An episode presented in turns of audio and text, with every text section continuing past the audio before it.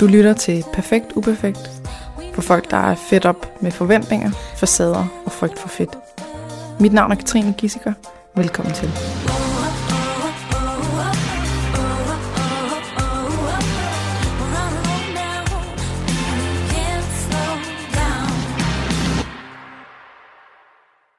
Velkommen til dig, Emilie Sofie Fahl. Tak. Vil du lige starte med at sige lige, hvordan du har det, inden vi gør, siger noget som helst? Ja, det vil jeg gerne. Jeg er rimelig ængstelig Mm-hmm. og har brugt hele dagen på at komme lidt ud af det. Nu kan jeg godt mærke, at benene begynder at ryste lidt igen og ryste lidt på hænderne. Og ja, lige skal trække vejret en ekstra gang. Ja. Um, Og vi har sat mikrofonen sådan, så at du godt kunne... ja, så jeg kan få lov til at lave min udånding og og Ja, og så præcis. Ja. Så øhm, det er jo også bare lige for, at det kan være meget rart at vide, for dem, Ja. der lytter med, at, øh, at det ikke er altid super nemt at sidde her Nej, og snakke, når man ikke aner, hvem det kommer ud til. nej, det er det. Og nu er det også første gang, jeg sådan taler højt om det, ikke? Mhm. Og til min næreste, så det er noget, jeg gerne har ville i lang tid. Men øh, de fleste har sagt til mig, tror du nu, du er klar lige nu? Mm-hmm. Øhm, men hvor jeg har tænkt, jeg vil faktisk rigtig gerne gøre det, mens jeg stadig stod i det, sådan, så jeg både havde noget at kigge tilbage på, men det heller ikke var den der, nu er jeg kommet videre, og alt er godt. At, og Ja, nu har jeg det godt, og nu... ja, måske Ja. ja. det kan være nemmere at identificere sig med en, der sådan, faktisk stadig står midt i det, hvis man selv har problemerne, end dem, der siger, bare rulle, alt bliver meget Ja, bedre. alt bliver godt. Det, Så- det, det kan være svært at Ja. holde sig til, ikke? Ja, det vil man selvfølgelig også gerne høre. Ja, det er klart.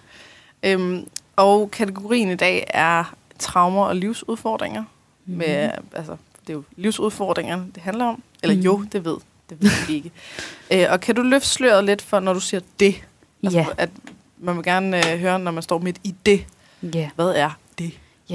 det er faktisk ikke så enkelt, som man kunne håbe, det ville være, fordi det er primært en spiseforstyrrelse, anoreksi, Mhm. som jeg lider af, men sådan som systemet hænger sammen, så er der altid den diagnose, som står øverst, som er den, man bliver behandlet for. Så der er også en depressionsdiagnose, og så er der noget angst, der ikke er blevet diagnostiseret, men hvor jeg har fået at vide, at der 100% sikkert er Mm-hmm. øhm, en eller anden form for noget generaliseret angst og ja, panikangst og så videre. Øhm, men Og det er hele- depression, der står øverst nu? Eller? Ja, det er et rigtig Det godt nu. spørgsmål, fordi lige nu er det spiseforstyrrelsen, Okay. og jeg er i spiseforstyrrelsesbehandling.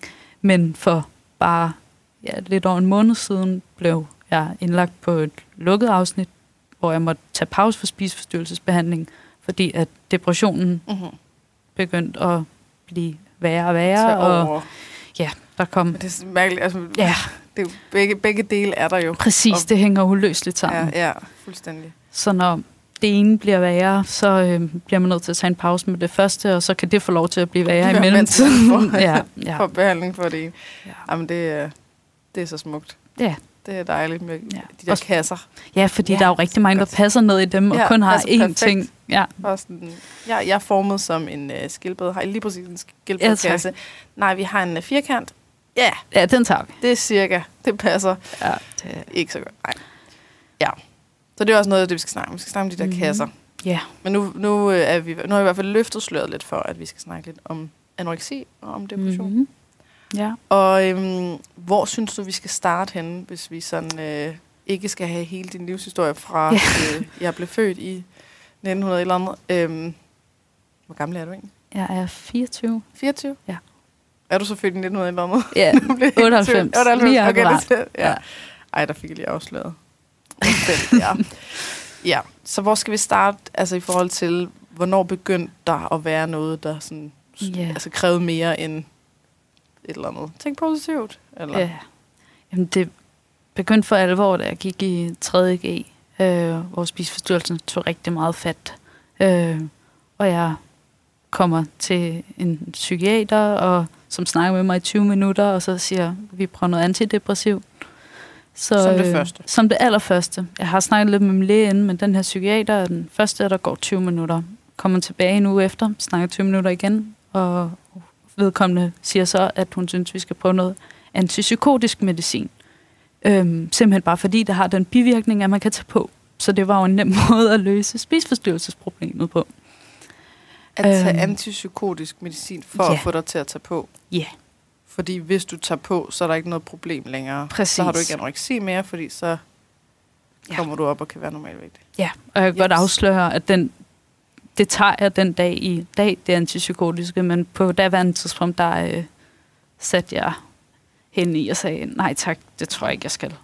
Øhm, og kom så i noget gruppeterapi i stedet for, som ikke tog direkte hånd om spiseforstyrrelsen, men gav mulighed for at prøve at, at, at snakke lidt om, hvad det er, man går og kæmper med, både sådan i de store spørgsmål, men også bare sådan i hverdagen. Mm-hmm. Øhm, og så kørte jeg egentlig to år med sabbatår, som alle andre øh, arbejdede. Fire, fem, seks jobs. Øh, var på højskole. Fire, fem. var, Seks jobs. Ja. Det var Ja. ikke seks jobs, du havde. Øh, jo. Altså, jobs, der handler om sex. Nå, nej, nej. nej, nej, nej. Ikke er der noget Øhm, galt det. Nej, men, øh, ved, det var ikke det tilfælde her. Nej, det var, det, nej, det var børnehaver og vuggestuer og tjener og Ja, skoler og så Der er videre. ikke så meget sex. i. Nej, forhåbentlig ikke.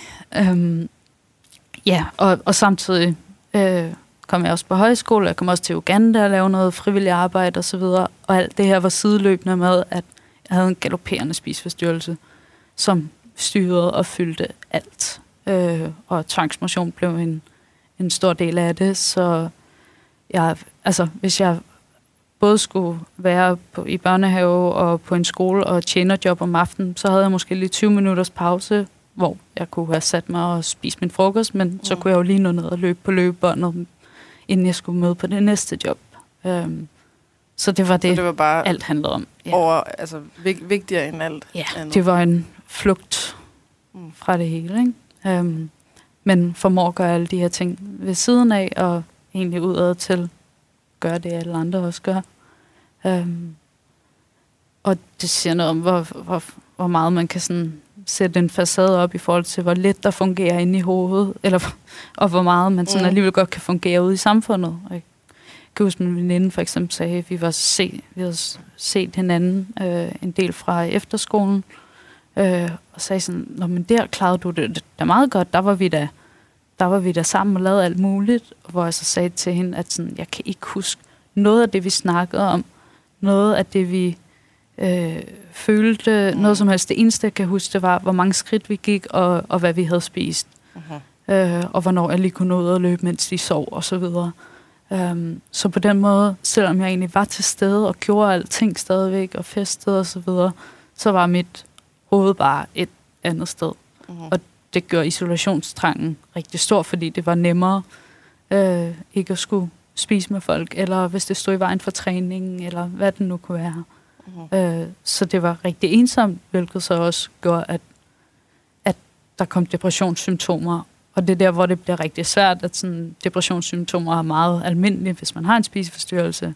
Øhm, men senere hen blev det så til en depressionsdiagnose i sig selv. Og det kan være svært at skelne, når man er meget plaget af spiseforstyrrelsen, Mm. mm. eller er meget undervægtig.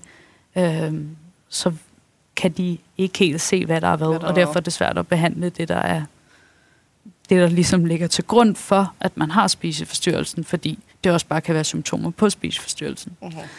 Um, Så de har været lidt i herrens mark, eller på herrens mark, i forhold til, hvad, hvad, hvordan skulle de øh, tage hånd om begge dele? Fordi yeah. den kasse findes ikke rigtigt. Og det var der faktisk slet ikke snak om på det tidspunkt. okay. Det var fint. Jeg kunne bare komme en gang om ugen lige sige det og det, og så gå hjem og køre mit eget show. Uh, så det var først, da jeg startede på studie, på antropologistudiet. Øh, flyttede hjemmefra, startede med at tage kørekort, havde min træning, havde mit arbejde. Øh, at det begyndte at kulminere øh, det hele. Jeg, jeg fik en stressreaktion øh, af, at det hele... Øh, hvor spiseforstyrrelsen styrede alt, og jeg tabte mig mere og mere, og jeg skulle læse det hele, fordi jeg skulle ikke følge med. Problemet var, når man ikke spiser, så kan man ikke koncentrere sig om noget. Mm. Så sad jeg bare og læste den, am- den samme sætning igen og igen. Ja. En hel dag, fra 7 om morgenen til 12 om aftenen. Øh, og um, om jeg skulle ned og købe ind. Nej, nej, jeg har da ikke 10 minutter til at gå ned og købe ind. Jeg skal jo Nå, at læse det her. Um, og den sidste dag, inden jeg blev indlagt, jamen, der synes jeg det også lige, at jeg skulle nå at fremlægge. Um, og den sidste weekend inden, jamen, der skulle jeg lige til Fyn og besøge min, mine veninder. Og sådan, så det var som om, alvoren var ikke rigtig gået op for mig. Jeg, Mm. jeg blev nødt til stadigvæk lige at gøre alle de her ting. Selvom det egentlig var lidt ligegyldigt på daværende tidspunkt, fordi jeg skulle indlægges. Mm-hmm. Um, Og det er jo nogle andre kategorier, altså i forhold til øh, anoreksi, at det med maden, ja, men der kommer også alt muligt ind med træning, der kommer også alt muligt ind med at præstere i forhold mm. Til studie, mm. og at nå at se veninderne, det kan selvfølgelig sagtens have været lyststyret, ikke? men sådan, ja. men det er sådan, der er meget fælles tema i det hele Ja. omkring, at man skal præstere og gøre bestemte ting for at være god nok. Ja. Og det var Og også så kører det bare for lov at køre ud af sådan, præcis. Det Så er stor. svært at give sig selv lov til noget som helst, uanset om det så var mad, eller hvile, eller at være glad, eller bruge penge på sig selv. Og det er Mm. stadigvæk ting, jeg kæmper sygt meget med. Ja. Øhm, det er faktisk lidt det samme. Jeg er blevet bedre til at registrere, når det sker, men det sker. uh-huh. Øhm, ja, så det endte, det endte med en indlæggelse, og så tænker jeg, okay, nu tager jeg de 16 uger, som man får på, ude på Ballerup, hvor de har spis døgnafsnit. Øhm, og det er anoreksien. det er anoreksi. Du kan Ja. også være der med bulimi. Øh, det, det er der også nogen, der er. Men, men det klart, hvis man er meget undervægtig, så er den som regel nogle af dem, der kommer foran i køen, Mm. hvis der er kø. Men det er ikke kun for anoreksi. Nej. Øhm, ja. Og, og hvad det med at blive indlagt, var det noget, du selv valgte, eller var det noget, som nogle andre valgte for dig? Eller? Mm, både og. Jeg, jeg startede i et, et forløb, der hed ambulant, og fik at vide, at, øh, at jeg kunne først starte i, øh, i den rigtige behandling, hvis jeg havde en vis BMI. Øh, så kunne jeg starte noget gruppeforløb der ambulant. Men indtil da, så skulle jeg lige op på den BMI, og, og det skete bare ikke. Så til sidst, så sagde de, "Mm, du bliver nødt til enten at lade dig indlægge, eller i hvert fald på dagshospitalet. Øh, og på daværende tidspunkt skreg jeg efter nogle to over. Øh, det kunne godt være spiseforstyrrelsen kramtagtig at holde fast i, at nej, nej, jeg kunne godt selv. Og sådan. Mm. Men jeg havde sådan brug for, at der var nogen, der tog over og sagde, nu gør vi sådan her, og Mhm. du har ikke noget at skulle have sagt. Nej. Øhm, så samtidig med, at det virkede myndiggørende og angstprovokerende, så var det også bare, det er et eller andet sted længtes totalt meget efter. Uh-huh. Øhm, Og det vil, det vil spi, altså det er anoreksien, der gerne vil holde fast i, at nej, nej, vi skal ikke forstyrres i det her. Vi, præcis. fordi vi, skal, vi, skal, vi gør det rigtigt her. Ja, Og dig, der ligesom kan mærke, men nej, det er faktisk det ikke fungerer ikke. det. Altså, så hvis vi skal, skille den ad, Mm, så er det dig, der egentlig gerne vil have hjælp, for du kan godt se, at det, ja. det her, det, jeg har det ikke godt. Ja. Men spiseforstyrrelsen er sådan, jo, jo, jo, ja, ja, ja, nej, nej, nej. Det er så fint. Uh, det er så godt, det her. Og vi skal bare lige, og så skal bare lige, altså, øh. Ja. Og det er jo Ja. ja. meget symptomatisk for det, ikke? At man, den der konstante indre konflikt, om det så er i de sådan store træk, eller i de sådan helt små Ja. ting, så, øh, så er der konstant en indre konflikt. Og det er der med alt. Om det så er, at jeg skal gå x antal skridt, eller om jeg skal vælge at se min veninde, eller om jeg skal drikke en kaffe med meget mælk, eller med mellemmælk, eller med lidt mælk, Mhm. uh-huh. eller... Øhm, der er hele tiden den her konflikt. Og den tror jeg ikke, jeg lagde mærke til inden, fordi der var det bare spiseforstyrrelsen, der fik lov til at bestemme. Mhm. Mm-hmm. Og så er det ligesom kommet senere hen, den her konflikt i forhold til jo egentlig at have brug for, at der sker noget andet. Fordi jeg kan ikke fortsætte et liv på den her måde. Nej. Øhm, det, det, Så det fungerer i en tid, at man ligesom siger, Nå, men det, Ja. nu er det bare den, der tager over, og det, så er det dejligt nemt, for der er jo ikke nogen, der er ikke nogen konflikt. nej, Indtil at det så begynder at have nogle konsekvenser, der gør, at man ikke længere kan tænke. fungere. Ja, Man kan ikke læse, man kan ikke passe i ingenting. studie, man kan ikke øh, altså, Nej, man kan ikke se sine være venner. at man, træne Nej, i pausen nej. og den Det- slags. Ja. Det er meget invaliderende. Uh-huh. Men øhm, Så du længtes efter, at at der, der, er nogle andre, der pause. ligesom kan sige, hey, ja. Ja. ah, ah, nu, nu gør vi sådan her. Og øh, jeg var helt sikker på, at sådan, eller jeg frygtede absurd meget, at jeg kom derind, og så ville det bare være helt vildt nemt. Øhm, Mhm. mm-hmm. Fordi det måtte det jo heller ikke være, fordi så var jeg jo ikke syg nok, og sådan, så jeg var rigtig bange for, at, at jeg bare ville kunne komme ind, og så øh, ville det hele gå godt, fordi så havde jeg jo bare løjet over for mig selv og for alle, og så videre. Øhm, Okay. Og jeg tænkte også, at det hele bare ville være løst efter de der 16 uger. Øh, så jeg, jeg var håbede på, at det ville være nogle svære 16 uger, et eller andet men sted, så var ja. det done. Ja. ja. Øhm, og da jeg kom ind, fik jeg mit livs største chok. Altså, jeg tror, jeg kan huske det første måltid, jeg bliver sat over for. Man sidder inde i en fællesstue, hvor man skal spise sammen. Det var øh, nogle nødder og nogle rosiner. Måske en spiseske fuld af hver. Og der rammer mit første angstanfald mig. Og jeg, altså, jeg tror, jeg skal dø. og det bliver så bare ved og ved og ved hvert måltid, mellem hver måltid. Jeg kan, jeg kan ikke huske særlig meget fra den tid, fordi jeg blev også bare dopet med angstdæmpende medicin, og jeg har stødt lidt på angst inden, men slet ikke på den her måde. Mm. Så der var bare panikangst 4, 5, 6 gange om dagen, øh, og så bedøvet oveni. Um, så har jeg fået sådan ting at vide med, at jeg bare har ligget på jorden og, og skrevet, at jeg vil bare gerne synke ned i jorden. Og sådan, altså, jeg kan slet ikke huske de der ting. Jeg kan godt huske det der med, at jeg ikke helt kunne gå lige. Og, men det var en stor tog af, af angst, fordi det var direkte op i rød zone, mm-hmm. som du plejer at sige. Yeah. Um, der, var ikke, der var ikke rigtig noget med at eksponere lidt af gangen. Og det har jeg tænkt lidt over og spurgt mig om derude, hvordan kan det egentlig være, når vi ved det om angst, at man skal gøre noget trygt, og så eksponere yderligere og yderligere. Hvorfor gælder det ikke her? Øhm, og det er der mange, der har lidt svært ved at svare på, men det bedste svar er, at det er fordi, det er farligt at være for undervægtig. Mm. Øhm, så der er simpelthen noget, ja, noget fysiologisk, der får lov til at gå ind og overrule.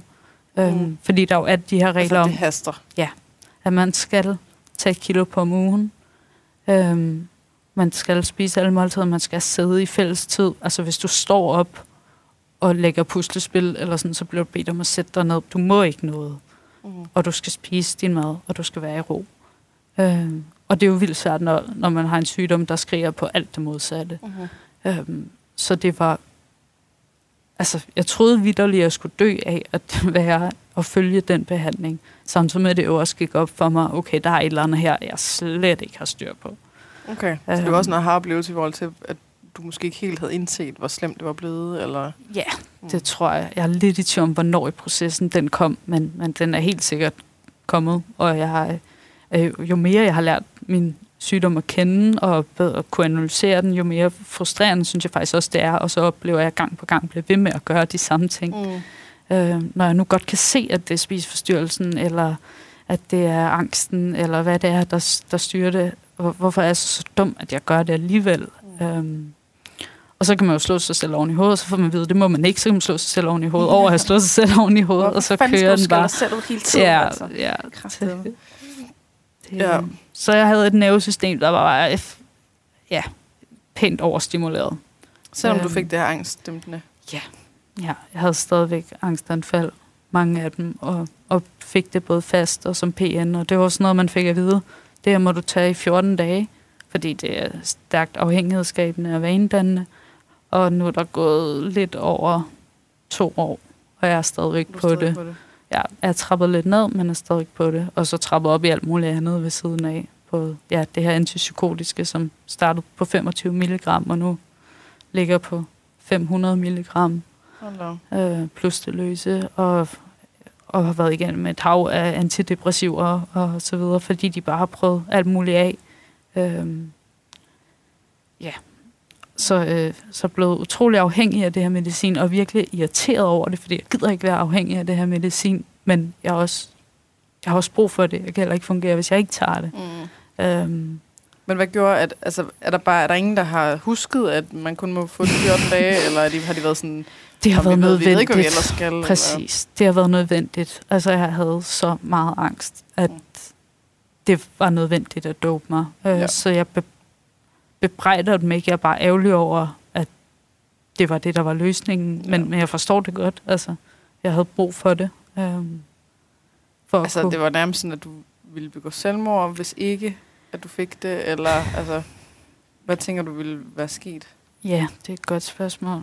Øhm, jeg, jeg tror simpelthen, jeg troede, at jeg skulle dø af angsten, fordi mm-hmm. den var så voldsom, og jeg kunne ikke gennemføre min måltid, fordi når jeg får panikangst, jamen så kramper min hænder, og jeg hyperventilerer, til, som de fleste jo gør, når de har angst. Øh, altså alle de her kropslige reaktioner, øh, tingene sidder og alt alt ens blod strømmer ud i de store muskelgrupper, så man kan flygte, fordi mm. man tror, det er farligt. Problemet er bare, at man sidder over for en skål mandler.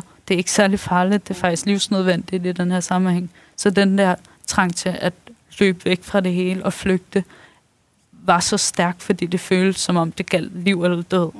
Mm. Øh, Så for at kunne være i det, for at kunne sidde i den der kuglestol, og hvad der ellers var andre tyngdeprodukter osv., så, videre, så havde jeg brug for noget, der også kunne hive mig ned igen. Mm. Øhm, men det var jo symptombehandling langt ja. hen ad vejen, ikke? Øhm.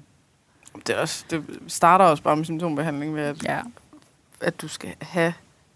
Altså, ja, undskyld, det kører bare stadig i mit hoved, at, at man finder ud af, at du er undervægtig. Mm. Bliver overhovedet snakket om anoreksi dengang? Ja.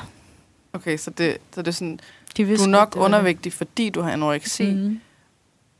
men vi, vi må bare lige behandle ja. symptomet, som er undervægten, og så, ja.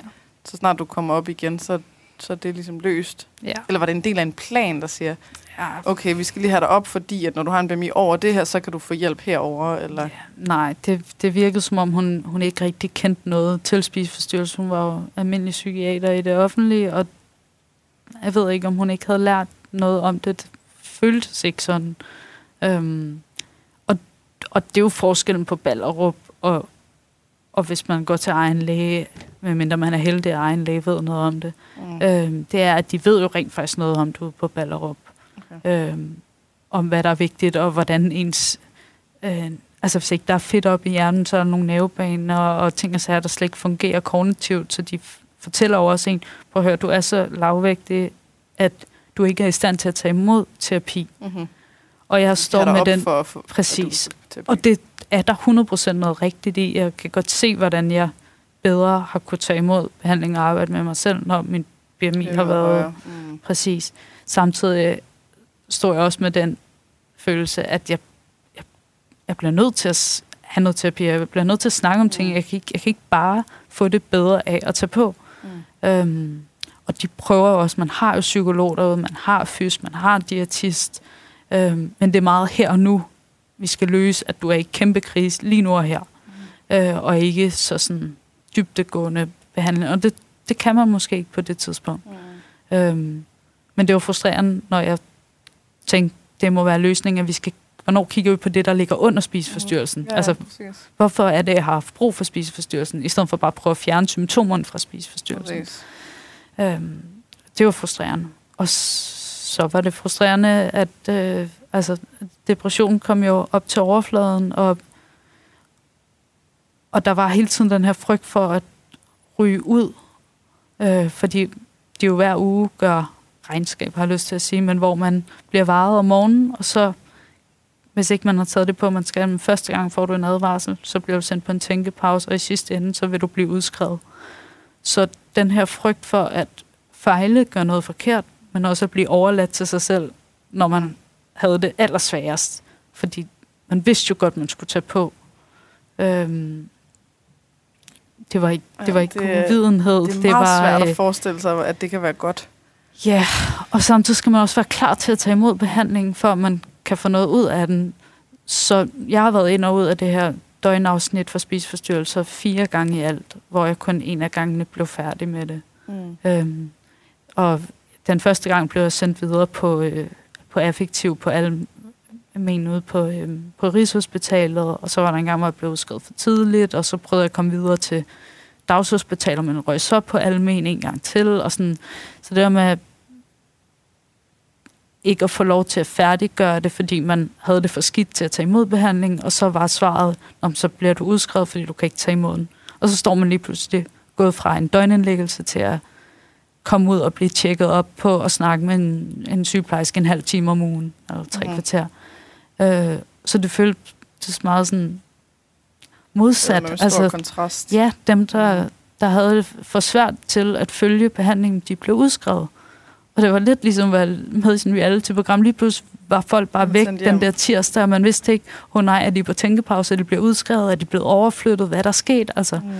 Mm. Øh, så der var hele tiden den der, den der frygt og opmærksomhed på, hvad skete der omkring en, og man bliver også vildt tætte derinde, fordi man kæmper den samme kamp, og man har gruppe, grupper sammen, og man skal spise sammen, man skal sidde i fællestid sammen, man skal frygte tirsdagen sammen, man skal bakke hinanden op i at gøre det rigtige, og sådan. Uh-huh. Og det kan være virkelig trygt og godt at have nogen, der ved, hvad man står i, fordi de står i det samme. Men det kan også være øh, der kan også være nogle uheldige sammenligninger, mm. og for, at man adopterer man nogle andres anden. problemer, ja. mm. øh, som man måske slet ikke havde inden, men så griber spiseforstyrrelsen og siger, hov, skal man egentlig også kaste op, eller skal man egentlig også tage de her piller, eller skal man egentlig også selvskade for at være syg nok, eller mm. sådan, og langsomt få gjort de ting til sin egne. Øh, så jeg har klart flere problemer, sådan set udefra, efter jeg mm. har været i psykiatrien, ja. end inden, øh, hvis jeg skal nævne ja. de ting, jeg slås med nu. Øh. Ja, man kan vel også gejle hinanden op til at snyde. Altså, ja. Så man siger, okay, jamen, så, så, så er der de her tricks, man kan bruge mm. til, at man så Ja. Så, så drikker man en halv liter vand inden ja. vejning, og så tror de, man er så på. Præcis, altså. og det, det kører også. Heldigvis har jeg, jeg og dem, der er kommet tæt på mig, været gode til at bakke hinanden op i at gå mod spiseforstyrrelsen. Okay. Men det forstyrrer vildt meget, hvis der så er en eller to, der går og fortæller om, hvordan de, hvis man spiser på en stue, smider det ud, eller skyller det ud i toilettet, mm. eller sådan, at det, det ja, det, det er en så kan man farlig sammenligningskultur. Ja, ja. Ærgerlig måde, ja. ja det, det kan man. Men, øhm, mm. men det er det med, hvis der er sådan noget, der står i vejen. Altså min selvmordstanke blev forværet, mens jeg var der. Øh, fordi spisforstyrrelsen har jo ligesom fået lov til at dække over alting, så jeg ikke kunne mærke noget. Ikke kunne mærke angsten, ikke kunne mærke depressionen, ikke kunne mærke stressen. Øh, fordi den fik lov til at fylde. Så da de begyndte at tage den frem, så kom de andre ting op til overfladen og blev værre og værre. Øh, og til sidst måtte jeg så videre, øh, hvor jeg så kommer på et affektivt afsnit, og, og der er nul terapi. Affektiv. Ja, det er, øh, det er kognitive lidelser, altså depression og øh, bipolare lidelser. Uh-huh. Øhm, ja, men der er bare ikke noget terapi i almen psykiatrien. Øhm, det tætteste, man kommer på, det er en fys eller en ergoterapeut, der, og det kan være guld værd, øh, ingenting i forhold til det, men der er ikke nogen... Det er terapi. Overhovedet ikke. Det er opbevaring, øh, beskyttelse mod sig selv og omverdenen, øh, struktur, og så er det medicinering. Uh-huh. Øh, altså hvis, opbevaring, som jamen opbevarer mennesker? Ja, ja. Og så har man dem der ja. stored, indtil ja. at der er nogen, der beslutter, at nu er det forsvarligt at, at sende nogen ud, og nogle gange kan det være for tidligt, og nogle gange kan det være for sent. Øh, mm-hmm. Det sker. Jeg har, har haft virkelig lange indlæggelser, hvor normalt så er folk der måske fire uger, og alle mine indlæggelser har været tre-fire måneder. Og dem har jeg så haft ja, seks lange af, og, og så nogle små korte nogle her og der. Mm. Øh, så det har taget det meste af de sidste par år øh, at være indlagt, men på de almene uden behandling. Nogen form for terapi. Ja, det er noget vrøvelse uden behandling, fordi der er medicinsk behandling, og der er det, de kalder miljøterapi, med at der er ligesom er nogen, der får en op, og der bliver serveret noget mad og sådan. Men der er jo ingen, der har forstand på spiseforstyrrelse. Mm-hmm. Så jeg har jo bare tabt mig, når jeg så har været der, fordi så har jeg været i noget andet svært, og så har den kunne få lidt plads, og så er det gået langsomt ned og bakke indtil det er blevet for slemt, og så er det tilbage på spis. Ja, så er du bare blevet kastet rundt mellem alle mulige yeah.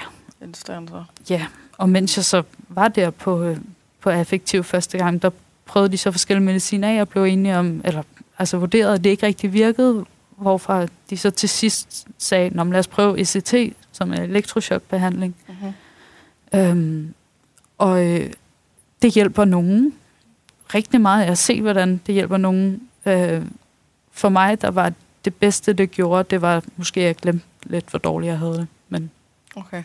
Der kom... Og hvad, så man kommer i fuld narkose? Ja, man kommer i fuld narkose hver anden dag. 16 gange i alt, tror jeg, det er. Hvis man får den fulde pakke, øh, som jeg fik. Og så bliver der sat stød til ens hjerne, og så vågner man op, og så skulle man gerne have det bedre. Så det øh, mener, det skal være sådan en nulstilling? Ja. ja. Hjernens mønstre, den lige er kommet ud af det, lige, de bliver nulstillet? Det, det tror jeg. Mm. Øhm, det virkede ikke rigtigt for mig. Øh, jeg tror, min mor var lidt træt af mig, fordi jeg blev ved med at gå og gentage de samme ting, jeg havde set på øh, Instagram, eller hvad nogen havde fortalt, eller sådan, fordi ens hukommelse bliver helt fucked af det. Okay. Øhm, så der er stadig rigtig meget, jeg ikke kan huske fra den periode. Øh, og fik det egentlig ikke bedre af det. Jeg synes, det var rart lige at få en pause. Jeg synes, den bedste følelse, jeg har haft i løbet af de to år, det var lige når jeg vidste, okay, nu slår narkosen ind. Fordi så vidste jeg, nu har jeg i hvert fald en pause mm. fra mig selv de næste 5-10 minutter, eller hvor lang tid man ligger, det ved jeg faktisk ikke engang. Øhm, men, men derudover kom der ikke rigtig noget ud af det. Og så var jeg jo ligesom bare på den medicin, de sidst havde afprøvet, øh, men konstateret ikke virkede, og derfor kom jeg i CT. Og det er sådan set den, jeg stadigvæk er på i dag, øh, i hvert fald et år, hvis ikke halvandet år efter. Øh, og der er egentlig ikke nogen, der har sagt, at det virker. Der er bare ikke nogen, der lige har vurderet, om det skal være der. Mm. Øh, man har ikke lige tur at ændre for meget ved det, og sådan. så er jeg bare blevet hængende på det. Øh, og da de vurderede, at ICT'en ikke hjalp dem, så sagde de, så kan vi ikke hjælpe dig mere, og så blev jeg udskrevet til mig selv.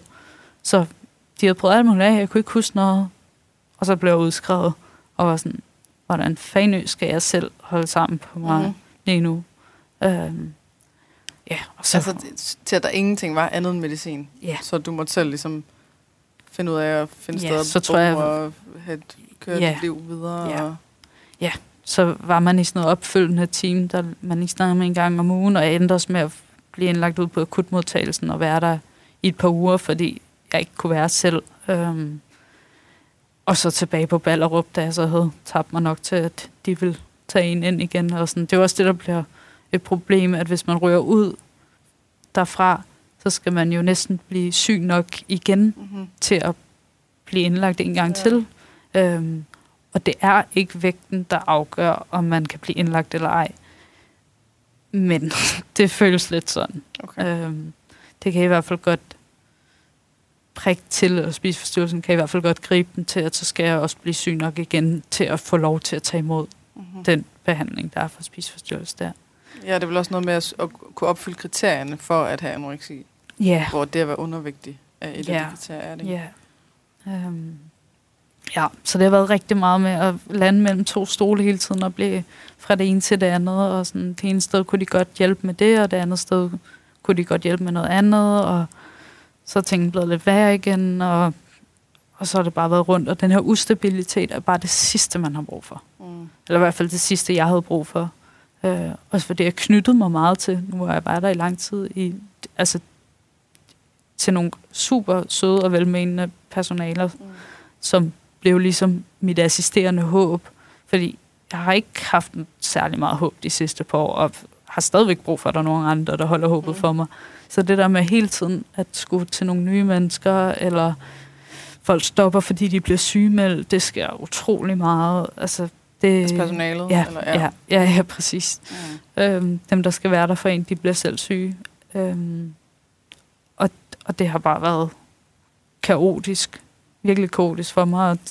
Beslutninger, der er truffet hen over hovedet på mig, ikke med mig, fordi jamen, når du er syg, så er du nok ikke i stand til at vurdere, hvad du selv har brug for. Øh, og selvfølgelig skal der være nogen, der kigger på en med lægefaglig vurdering, men det kunne godt være i samspil med, hvad tænker du, der vil være det bedste for dig? Mm-hmm. Øh, hvad har du mest brug for?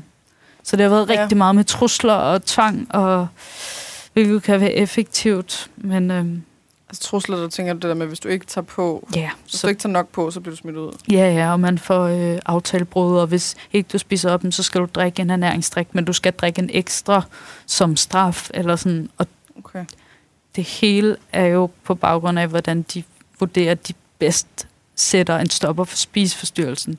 Men det er også, det gør også noget ved en hele tiden at være bange for at træde forkert. Ja. Øh, både fordi jeg kommer en kon konkret straf, men også fordi jeg har rigtig svært ved at være i at have gjort noget forkert, eller sådan, så jeg føler mig meget hurtigt, at det ikke bare er det, jeg gør, eller det spiseforstyrrelsen, der gør, der er forkert, det er men det, det er mig. Mm. Så hvis jeg har tabt en halv peanut, der er råd på gulvet, mm. og ikke har set den, og der så er nogen, der siger, hov, hov, den skal du altså lige have med, så kan jeg begynde at være lige ved at tude. Eller sådan, mm. bare sådan, det er ikke med vilje. Jeg, jeg prøvede ikke der på... der er noget mistænkeliggørelse også, eller hvordan? Ja, og det er jo mistænkeliggørelse af spiseforstyrrelsen, men det, hvis man har en trang til at gøre tingene ordentligt og være perfekt og uh-huh. ikke træde ved siden af, så kan det meget hurtigt føles som en anklage. Nu tror de bare, at jeg prøver på at, at mm. snyde.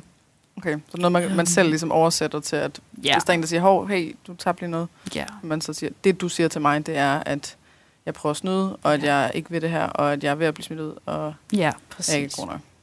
Mm. Ja. Lige nu er jeg i noget dagsbehandling, øh, som, hvor jeg så faktisk synes, at de er gode til at prøve at være lidt mere individuelle. Men mm-hmm. det var måske også noget af det, vi skulle ind på, på ja. senere. Men, øhm, men, øh, men der, er, der er lidt forskel på et døgnafsnit, og det har jo nok noget at gøre med, at man der som regel er så undervægtig, eller spiseforstyrrelsen har så meget kontrol, at man faktisk ikke kan tage ansvaret selv. Mm. Øhm, det er bare en balancegang. Øh, fordi ja, det er der, svært man har også, at vurdere. Jeg kan ja. godt se, at der er nogen, der, der ja. ikke... Altså, hvis man spørger dem, hvad vil du gerne, eller hvad vil du synes var bedst, mm. At de så måske faktisk kun kan svare noget, spiseforstyrrelsen vil have. Eller, Præcis. Men jeg tror, det er bedst, at jeg bare bliver udskrevet. jeg bare, ja. ja. Altså, men samtidig så er der også bare dem, der godt dem, der har den dualitet, eller sådan, mm. at der spiseforstyrrelsen er den ene del, og jeg er den anden del. Ja. Spørg mig. Ja. Og jeg har faktisk et overblik, eller mm. du har lavet klarhed en gang imellem, der siger, jeg, jeg ved godt, hvad der er mm. hvad her. Ja. Og jeg ved, at jeg har rigtig meget lyst til at gøre, mm. hvad den her siger, men jeg vil gerne have hjælp på den her måde. Præcis. Og det synes jeg er en rigtig god måde at gøre det på, det med både at sige, når min spiseforstyrrelse svarer det her, og tænker det her, og er bange for det her, øh, jeg tænker med min fornuft, at vi måske alligevel skal gøre sådan og sådan. Øh, sådan så den også bliver hørt, fordi Præcis. hvis man bare undertrykker altså, spiseforstyrrelsen, så vokser den så bare større, og prøver ja, ja. at finde andre måder at komme ind og infiltrere de andre, eller infiltrere Præcis. ens fornuft på, ikke?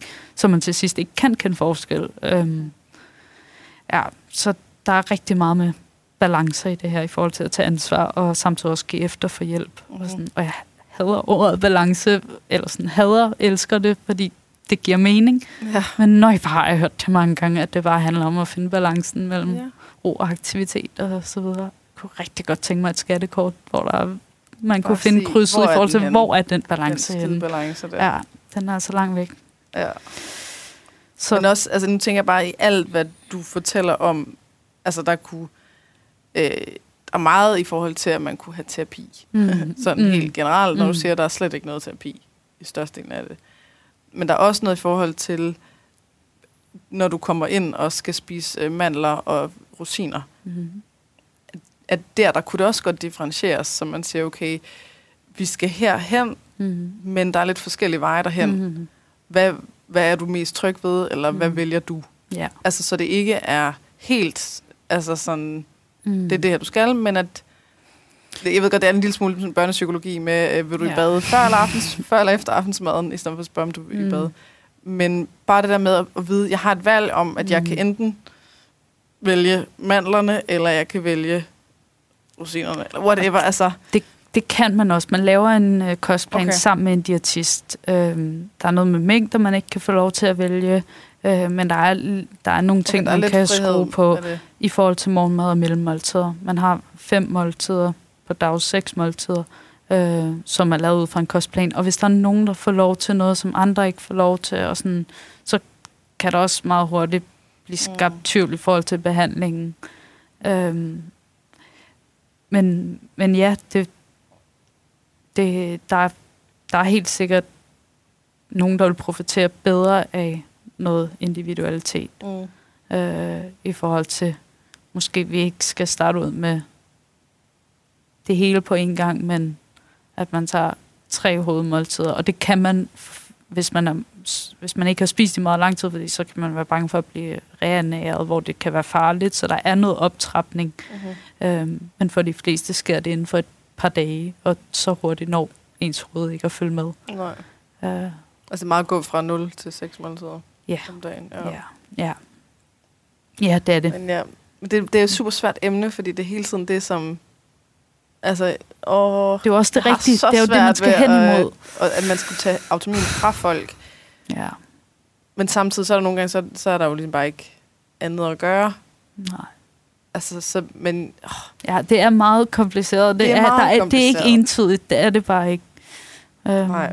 Det er jeg, det. Jeg, jeg tror også, jeg fik en, en gang en besked, efter jeg havde lavet et afsnit om, altså podcast afsnit om anoreksi, hvor at, at det også var sådan, fordi at det der med at, at altså, øh, hvad hedder det der tvangsfodring, altså hvor man får et rør ned i halsen. Ja, sonde.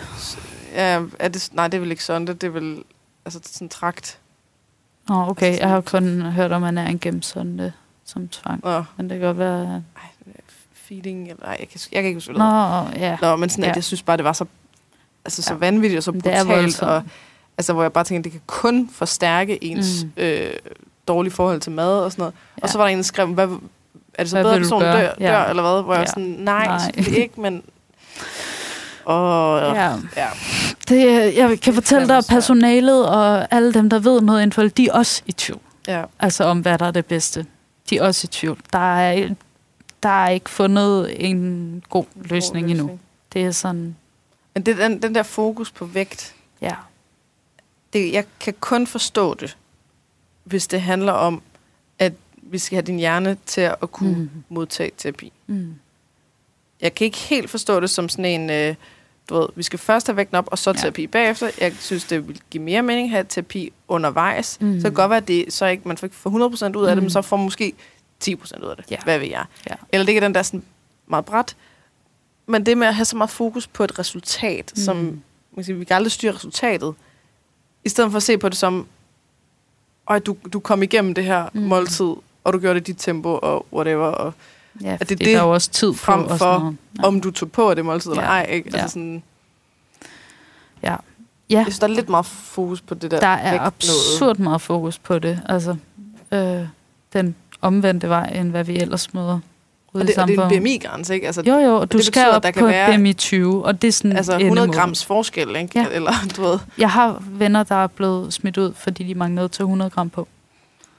Altså ud af og som om, at hjernen kilo. fungerer helt anderledes af, at man det er jo ikke, det, det er jo for at sætte altså. en, en grænse for spiseforstyrrelsen, men problemet er bare, at der er så mange andre faktorer, der spiller ind, og sådan, at det, og det er jo ikke, hvis man én gang har taget 900 gram på sort-hvidt, er det ikke, og de er også blevet mere, altså blevet bedre til at snakke om ting. De har, jo op, de har det jo op på konferencer og så videre, inden de træffer nogle beslutninger. Så det er ikke helt sort-hvidt, men det er rimelig sort-hvidt. Ja, øhm, og det er der nok brug for i et system og bla bla, men ja. altså hvis nu der var bedre ressourcer og øh, mm. flere mennesker, og altså sådan, at man kunne individualisere det mere, ja. og kunne have mere terapi, mm. også undervejs, altså ja. mens man kommer op på den BMI, mm. eller altså, ja. ja. Det er, bare, det er meget svært for mig at se det som, at det, at det er noget, der går godt ja. for Danmark. Ja. Ja.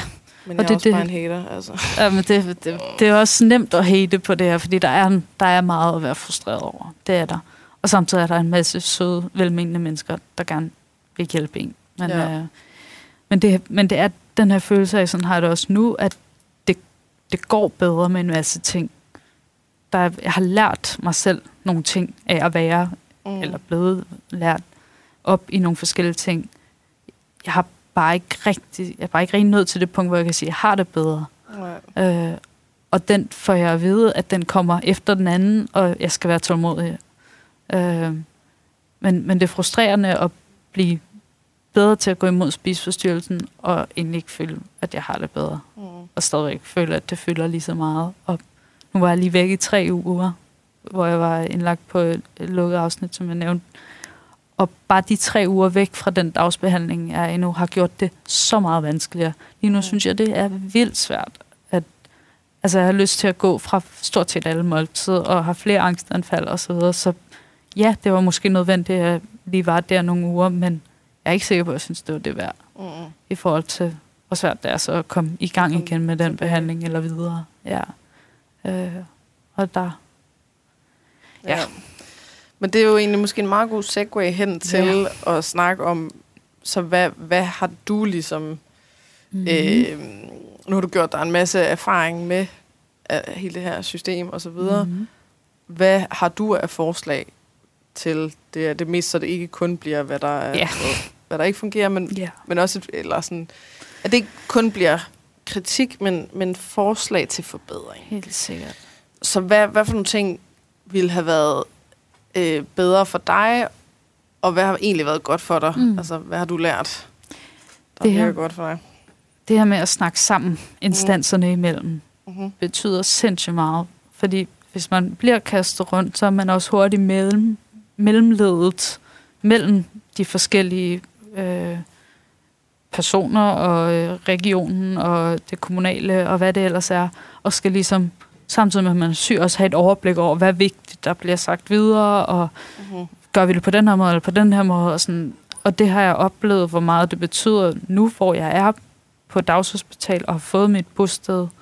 Mm. Øhm, at bare det, at dagshospitalet lige ringer til mit bosted en gang imellem, fordi jeg har givet dem lov, og siger, i dag er den altså rigtig dum, I skal lige være lidt ekstra ops på hende, eller øhm, der er noget med medicin her, eller altså det der med, at de snakker sammen og holder møder sammen, og sådan, det betyder vildt meget, fordi så kan jeg læne mig lidt tilbage i, at der er en sådan helhedsbehandling, mm-hmm. både i forhold til der, hvor jeg bor, den hjælp, jeg får på bostedet, som på ingen måde er det samme som behandling, øhm, og så selve behandlingen.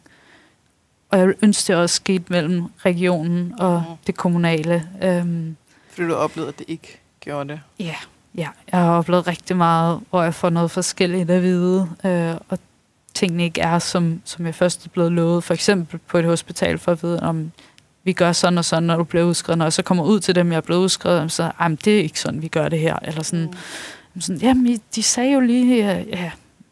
Men, men det, der er, så er der selvfølgelig en masse ting, der står i journalen, men der er ingen, der har tid til at sidde og læse mm, to års journal. igen. ja. Så de her samarbejdsmøder øh, og overleveringer osv., de, øh, de betyder vildt meget. Øh, både for mig, men også kan jeg også fornemme på dem, jeg ligesom har, har mødt gennem behandlingen. Mm. Øhm, at og det er det med, at der ligesom er nogle andre, som man ikke hele tiden selv skal være den, altså du skal nærmest være både patient og ja. øh, fagprofessionel og sådan ja. Jeg skal lige være opmærksom på, at jeg har oplevet det her, og øh, medicinen, den skal jo nok ja. ved at komme ned. Altså, du ved, mm.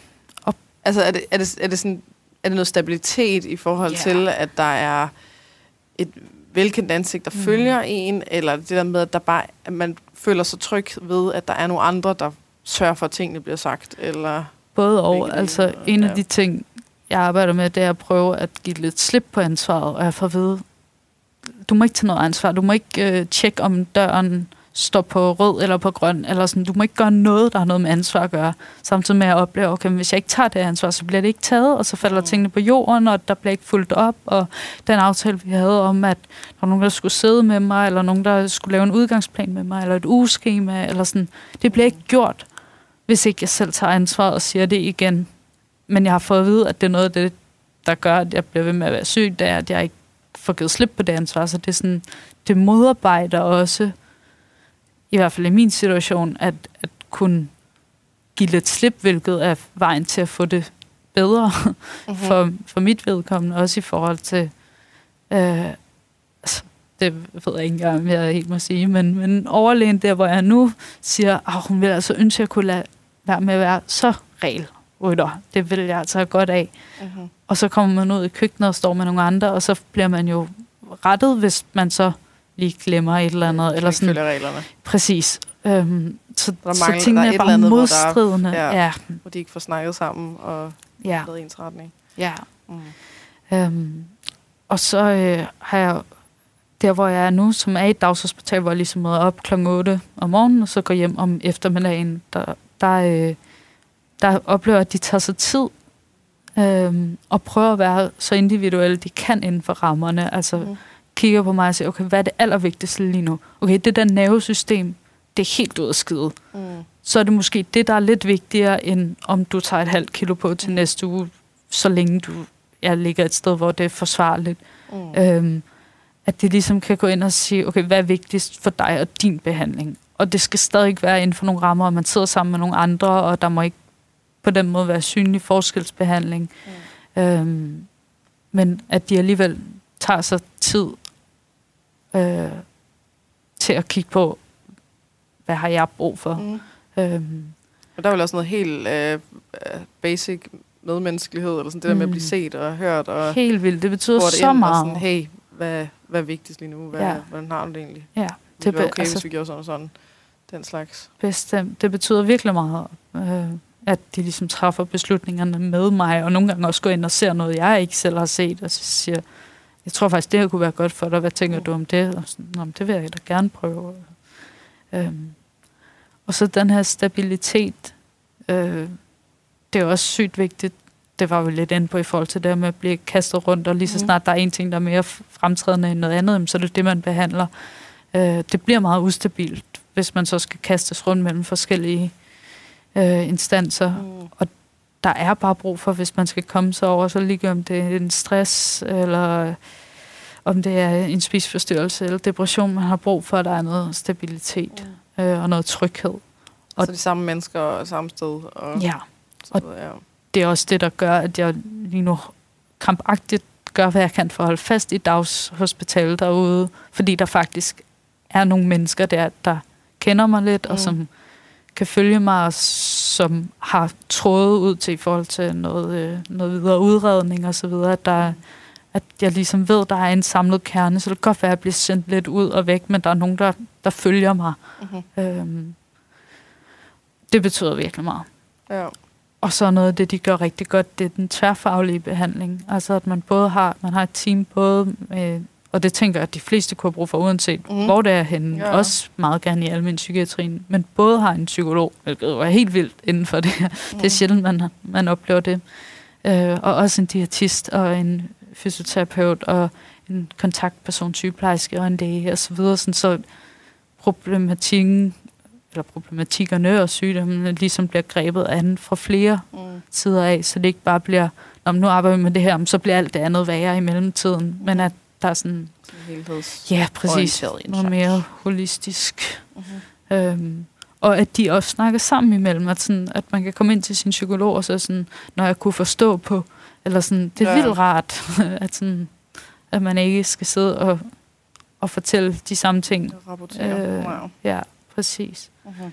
Så tværfaglig behandling, kæmpe go herfra. Så Også, det, du er i nu, det er faktisk det, der indtil videre har fungeret bedst? Ja. Ikke Samtidig med, optimalt, at lige nu øh, er der sygt mange ting, der overhovedet ikke fungerer mm. for mig. Men det er den behandling, der fungerer bedst. Jeg skal bare... Øh, Fordi du kender de voksne og har en ja, følelse af, at der faktisk ja. sig dig. Ja, mm. og så har de rigtig mange grupper også, som giver mm. god mening. Der er både noget kropsgruppe og noget kostgruppe, og der er noget midt, som er motivationsfremmende adfærdsterapi, og der er det, vi kalder DAT, dialektisk adfærdsterapi, som ligesom er hele fundamentet for spiseforstyrrelsesbehandlingen. Mm-hmm. Og der er psykoedukation, og der er sådan noget som weekendgrupper, og sådan Altså, der er, der er mange forskellige grupper, og så er man i dem, der giver mening. Okay. Øh, så man finder ud af med sit team, ikke? Så kan man være i en gruppe i noget tid, og nogen, der har det fint med at være i fire grupper en gang, ja. og andre, der kun skal have en gruppe ad gangen, og sådan. Og hvad giver mening, hvornår?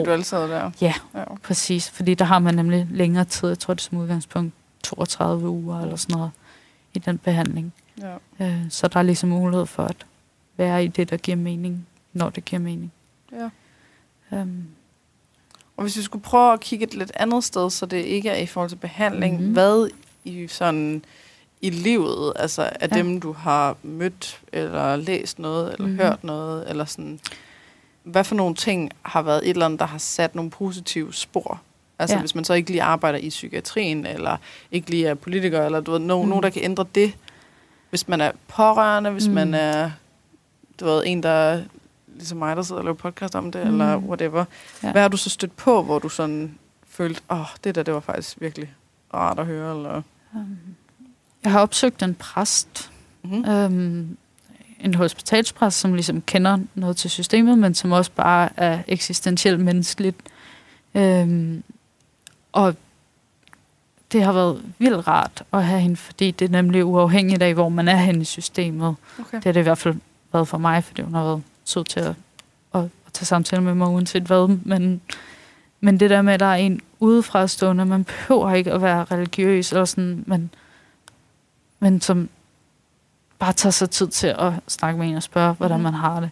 Så et forslag kunne være at prøve at spørge, hvis man har en i sin nærhed, der, der kæmper med nogle af de ting, uanset om man så er i behandling for det, eller sådan, jamen, kunne det give mening at for eksempel finde en præst mm. at snakke Altså simpelthen for at, at se, altså zoome lidt ud og ja. se det i en større helhed. Præcis. Ja. Øhm, og så øh, bruger jeg rigtig meget, det er sådan mere en konkret ting, men jeg bruger rigtig meget sådan tyngdeprodukter, hvilket er noget, man også kan søge om, man, ellers så kan man nogle gange finde nogle tilbud og så videre. Det kan være alt lige fra sådan øh, kugle dyner, som mm. kan få ro på nervesystemet, til kugle veste, eller ja, eller små dem, som man kan dæmmes med, eller sådan noget. Det har i hvert fald hjulpet mig rigtig meget, har det indtryk af. Der er mange, der har gavn af det. Mm. Øhm, og så kreativitet. Mm-hmm. Altså, prøv at tænke, jeg har mødt rigtig mange, der har sagt sådan, jeg kommer aldrig til at hækle eller strikke, det er bare ikke mig. Og så går der en uge, fordi man har ikke så meget andet at lave, når man skal sidde ned hele tiden, og så er de sådan, åh, jeg skal, jeg skal også lave det der, har du opskriften på det der? Sådan. Mm-hmm. Så også selvom man er en af dem, der sidder og tænker sådan, kreativitet, nej, det er ikke mig, det er ikke mig. Så måske lige prøve at give det en chance alligevel. Altså, find et kemikursus, eller... ja, ja, prøve noget af. Ja, og det der med sådan, okay, det kan godt være, at det ikke løser verdenssituationen, eller min ja. situation, men så øver man sig i at være lidt i nuet i hvert fald, fordi det kræver det, hvis man skal sidde og tælle, eller mm. et eller andet. Det har... Øh, det har lidt pause. Ja, ja, det har virkelig været min, øh, min helt store go-to. Mm. Øhm, og så har jeg en fantastisk familie, der øh, har støttet op, og som selv har været i noget pårørende grupper, og ligesom har prøvet at opsøge øh, viden i forhold til deres rolle, og også fået taget sig af alle de følelser, de måtte have, øh, for på den måde at kunne være der bedst muligt for mig. Øh, hvilket jeg er vildt taknemmelig for, og har nogle venner, der, der, der bliver ved med at holde fast. Altså, mm. man kan jo godt frygte, at okay, hvis jeg ikke er andet end sygdom, og jeg bliver ved med at være syg, så, så gider de mig ikke mere. Det. Ja. Øhm, det er jo en kæmpe frygt, der er, øh, og som stadig er, så der er, som ven eller veninde, så kan det være rart bare at høre, prøv at høre, det er okay, du ikke svarer de næste to måneder, men jeg er her mm. stadig, når du er klar. Eller, sådan, eller lige bliver ved med at skrive sådan, du behøver ikke svare, jeg vil bare sige, at jeg tænker på dig, eller hvad det nu kan være. Øhm, fordi det kan være så ensomt at stå i sygdom, eller hvis man bare går igennem, nu sagde jeg bare, det var ikke meningen, hvis man går igennem en krise eller et eller andet, at der lige er nogen, der siger, vi er her. Jeg er her, og jeg forventer ikke noget af dig, og det, ja. jeg smutter ikke bare, fordi du ikke svarer. Eller, ja, rigtig ja. meget. Og det er faktisk også lidt en kilde til dårlig samvittighed, hvilket jeg prøver at arbejde imod, men sådan, okay, men jeg har en god familie, jeg har nogle gode venner, jeg har, har klaret mig godt i skolen, jeg kan godt finde ud af at være social. Jeg får godt nok sindssygt meget angst af det, men jeg kan mm. godt. Og sådan, hvorfor fanden er jeg ikke kommet videre og kommet ud af det? Altså, det, det, det er jo ikke særlig konstruktivt at, at tænke på det på den måde. Og der har jeg hørt flere sige sådan noget med, at når, vil du også beskylde nogen, der havde kraft for, at de havde kraft? Altså, vil det også være deres egen skyld? Og sådan, nej, selvfølgelig vil det ikke det, men det er jo ikke helt det samme. Og, sådan, og det tror man bliver nødt til at tænke lidt alligevel, at det er, at mm-hmm. man det noget, vælger man ikke selv, selv at være vælger. syg. Nej. Også selvom man kan frygte, og det kan føles sådan, og lang tid bare tænke, det er bare et spørgsmål om at tage sig nok sammen. Også i forhold til resten af verden. Jeg kan da sagtens redde hele verden og løse min venindes sygdomsproblemer, hvis bare jeg gør mig umage nok. Eller sådan, ja, det er bare, hvis, hvis ikke jeg kan løse problemet, så afspejler det mine evner. Ja, præcis. Og så er jeg ikke god nok. Ja, og det er ligesom noget af det, jeg faktisk først for ganske, ganske nyligt at indse, at sådan, okay, jeg kan faktisk ikke redde verden ved bare at tage mig sammen. Nej. Øhm, det har sådan lidt været... En chokmeddelelse. Ja, og, ja, og der kommer noget af den her accept ind, mm. som også er noget af det, vi snakker om rigtig meget i DAT, mm-hmm. øhm, som er det her dialektiske adfærdsterapi, øh, som har hjulpet mig ret meget. I starten tænkte jeg, sikke noget pjat, som om at det, at jeg sidder her og puster sæbebobler, eller mm. kigger på skyer, eller sådan, hvor, hvor, hvor fan, hvordan, hvordan kan det hjælpe mig? Mm. Øhm, men der er sådan, en, sådan det fundamentale for det, det er det, de kalder sådan opmærksomhedsfærdigheder, som ligesom skaber et grundlag for alt det andet, fordi vi bliver nødt til at blive bevidste om, okay, hvad sker der inde i mig, hvad sker der omkring mig, hvordan skældner jeg mellem tingene, mm-hmm.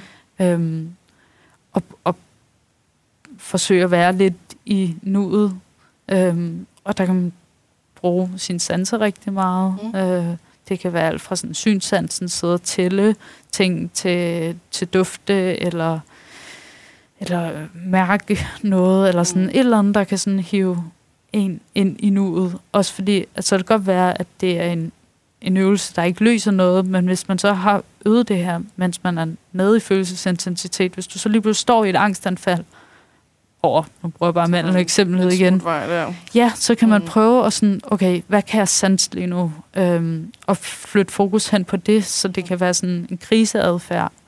Øh, det er sjældent der, hvor man fysisk er, at faren er. Mm. Altså, det er, hvis man forestiller sig, eller altså, tænker frem eller tilbage. Ja. Det, hvor man er lige nu, medmindre du, det videre står over for en, der er i gang med at overfalde dig, så, så er det, som er det jo nu, der er mest safe. Ja, præcis. Og det, det er sådan en måde lige at blive bevidst om, okay, hvad sker der inde i mig? Hvad er det egentlig, jeg føler? Hvad er det for nogle tanker, der er der? Og så videre. Og så prøve at gå videre til næste skridt, som er sådan, okay, hvordan løser så det, jeg står i lige nu? Jeg har måske nogle følelser, der siger en ting, og noget fornuft, der siger en anden ting. Men hvis jeg går med fornuften, så får jeg slet ikke taget hånd om mig selv og mine følelser, og hvis jeg kun går med følelser, så får jeg måske reageret på en uhensigtsmæssig mm. måde. Så det der med at kombinere de to ting og sige, okay, det her, det er pisse svært, og så i stedet for men, så sige, og jeg bliver nødt til at gøre det alligevel, fordi jeg ved, at på sigt, og bla bla bla, at man ligesom laver sådan en fordel ulemp mm-hmm. analyse, og har begge ting med, og på den måde forvalgt en sådan konstruktiv, eller mere sådan dialektisk middelvej. Mm-hmm. Øhm, det, ja, det har i hvert fald det har i hvert fald sådan hjulpet mig også gjort det nemmere at finde ud af, hvad skal jeg så gøre i andre situationer, hvis jeg står over for mm-hmm. en person og bliver nødt til at bruge nogle øh, relationsfærdigheder, ligesom blive opmærksom på, okay, hvad er det egentlig for nogle ønsker, jeg har om, hvad kunne være målet med den her samtale. Øh, men samtidig også have nogle andre ting for øje i forhold til, jeg har også en selvrespekt, jeg skal huske på, og jeg har også øh, den her relation, jeg måske gerne vil bevare. Okay, hvor kan jeg så skrue op og ned? Måske det ikke kan lykkes, at jeg får mit eget mål 100% igennem, at jeg bare bevarer en 100% god relation, og jeg bevarer 100% selvrespekt. Ja. Hvor skal vi så lige regulere for sådan... Det er vigtigst. Ja, i de forskellige situationer. Ja. Øhm, og at man kan følelsesregulere, altså blandt andet ved at bruge sine opmærksomhedsfærdigheder, men også tjekke fakta, altså simpelthen prøve at sige, okay, hvis det nu kunne være en frygt for, hvis jeg spiser det her, så har jeg taget et kilo ekstra på, når jeg, bliver, mm. når jeg, når jeg skal vejs i morgen. det passer.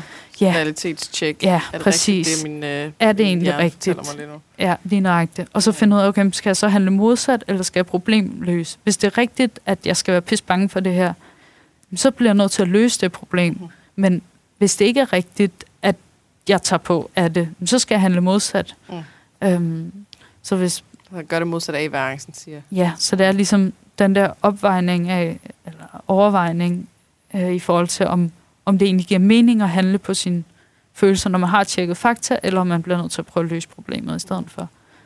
Øhm, og det kan jo være en, en hvilken som helst situation. Det behøver slet ikke have noget med spiseforstyrrelse at gøre overhovedet. Det kan være ens veninde, der gerne vil have, eller der har oplevet et eller andet mega ubehageligt, og og min første tanke er, at jeg skal bare ud og redde hende. Ja. Øhm, det siger alt det i mig. Og så prøver sådan at tjekke fakta. Okay, kan jeg egentlig redde hende? Hvordan vil det påvirke mig efterfølgende? Vil jeg kunne være noget for hende på sigt, hvis jeg selv bliver helt smadret af det her mm. nu? Og, sådan. Ja, og så finder jeg, okay, det er måske ikke det, jeg skal gøre. Jeg bliver nødt til at handle modsat og blive hjemme. Men jeg kan også godt kan løse noget af det, præcis ja, lige nøjagtigt, og finde, hvordan kan jeg så gøre et eller andet. Jeg kan skrive en en kærlig og omsorgsfuld besked. Mm. Øhm, så både det med middelvej, men også finde ud af, skal det løses, skal jeg handle modsat. Ja.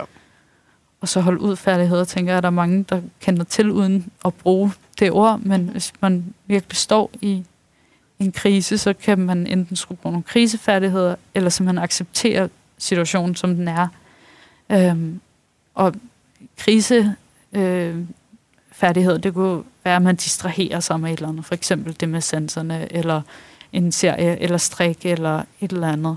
Hvor at hvis man nu har en rigtig svær relation med en bedstemor, der altid er efter en på en eller anden måde, og man har prøvet med alle sine relationsfærdigheder at fortælle, hvad det gør ved en, og hvad man godt kunne tænke sig, og bedstemor bliver bare ved. Jeg ja. kan ikke ændre det her. Og så længe jeg bliver ved med at kæmpe imod dem, så vil der være... Så er der lidelse. Præcis. Ja. Og det kan også... Hun er sådan, og det er, det, det er sådan, det skal være. Ja. Og det er fucking nederen, men... Ja, ja, ja det er fucking nederen, og jeg kan ikke gøre noget ved det. Altså sådan, det der med at acceptere kan være vildt lidelsesfuldt også, fordi jeg skal acceptere, at jeg ikke kan redde min veninde, mm. eller at jeg ikke kender min farmor, men det er det, jeg bliver nødt til for at kunne være i det. Mm. Øhm, så, så, og der bruger man det her udtryk sådan med radikal accept, altså at man giver fuldstændig slip på øh, ideen om, at det er noget, man har magten over at ændre og prøve at, at finde ud af, okay, hvordan kan jeg så bedst være i det? Og det kan også blive en lettelse på sigt, ja. ikke at skulle blive ved med at kæmpe den, ja. den kamp. Ja, jeg trækker vejret, fordi at vi faktisk yes. er ved at være øh, godt over en time. Ja. Øhm, der er mange flere ting at sige og yeah. fortælle og så videre. Øh, og som jeg også sagde til at starte med, at det, man, får, man får sjældent sagt de ting, man gerne vil sige. Og mm. Så er der alt muligt øh, andet. Yeah. Men nu har vi i hvert fald haft de to sådan... Øh, ja, de to vigtigste, som var, og at du lige kunne fortælle lidt om mm. din historie, og så at vi måske kunne give noget videre yeah. til nogen, der sidder derude, eller til nogen, der måske har noget indflydelse mm. på, hvordan psykiatrien fungerer. Det yeah. ville også være skønt. Ja, det kunne da være dejligt. Lyt til podcasten, og så fix det. Ja, fix det. Hallo. Nu. Fix. Må jeg ja. komme med et sidste, sidste yes. budskab? Det kan du um, Det her med, at man ikke kan se på nogens krop eller vægt, hvor syge de er, i det her tilfælde spiseforstyrret, det synes jeg er vildt vigtigt at have med, fordi for eksempel kan man have været i en behandling, hvor man har taget kilo på om ugen, men man er altså ikke blevet kilo raskere om ugen mm. i hovedet. Um, så det kan virke kontraproduktivt, selvom folk gør det af et godt hjerte, kommer hen og siger, ej, hvor er det dejligt at se, at du har fået det bedre. Mm. Fordi det for spiseforstyrrelsen rammer det ind i sådan en, shit, jeg har taget på, det er gået helt galt. Mm. Men det rammer også den der, ah, nu har jeg ikke lov til at have det dårligt, eller ret til stadigvæk, og synes, at alting er svært, og, mm. og nu skal jeg leve op til det hele, og så videre. Så, åh, hvor ville det være rart, hvis de bare sagde, hvordan går det, eller hvordan har du det, eller sådan, om man så kan sige, jamen det går bedre, men jeg har det faktisk stadig virkelig dårligt. Mm. Øhm, ja, så, så det er en opfordring til alle, om at ja, lade være med at antage, hvordan folk har det på baggrund af, om de... Og deres krop. Præcis, og det er uanset, om det er den ene eller den anden vej. Altså. Mm-hmm. Um, er dem, der har tabt 10 kilo, fordi de er dybt deprimerede. Ja, og folk er sådan, Ej, præcis. Kan jeg, ser du godt ud? Var det ja, dejligt, dejligt se, du har det, det godt. dejligt? Jamen, det er jo forfærdeligt. Øhm, har, altså, hvor står der på min krop, jeg har det dejligt? Ja, altså, ja. Det er jo, ja, det eller man har været syg, eller med en maveinfluenza, eller ja, ja. et eller andet. Altså bare sådan, nej, jeg har det ikke godt, fordi jeg har tabt mig. Eller, eller Ej, det har jeg lige, jeg har lige hørt en af mine klienter sige, ja. øh, at hun havde haft et, et eller andet, hvor hun havde været syg i flere dage, og ikke kunne spise noget som helst. Og så er der flere omkring hende, der har været Ej, sådan, der er men så er det jo en god, øh, en god anledning til lige at smide på kilo. Ja. Excuse me? Af hvad?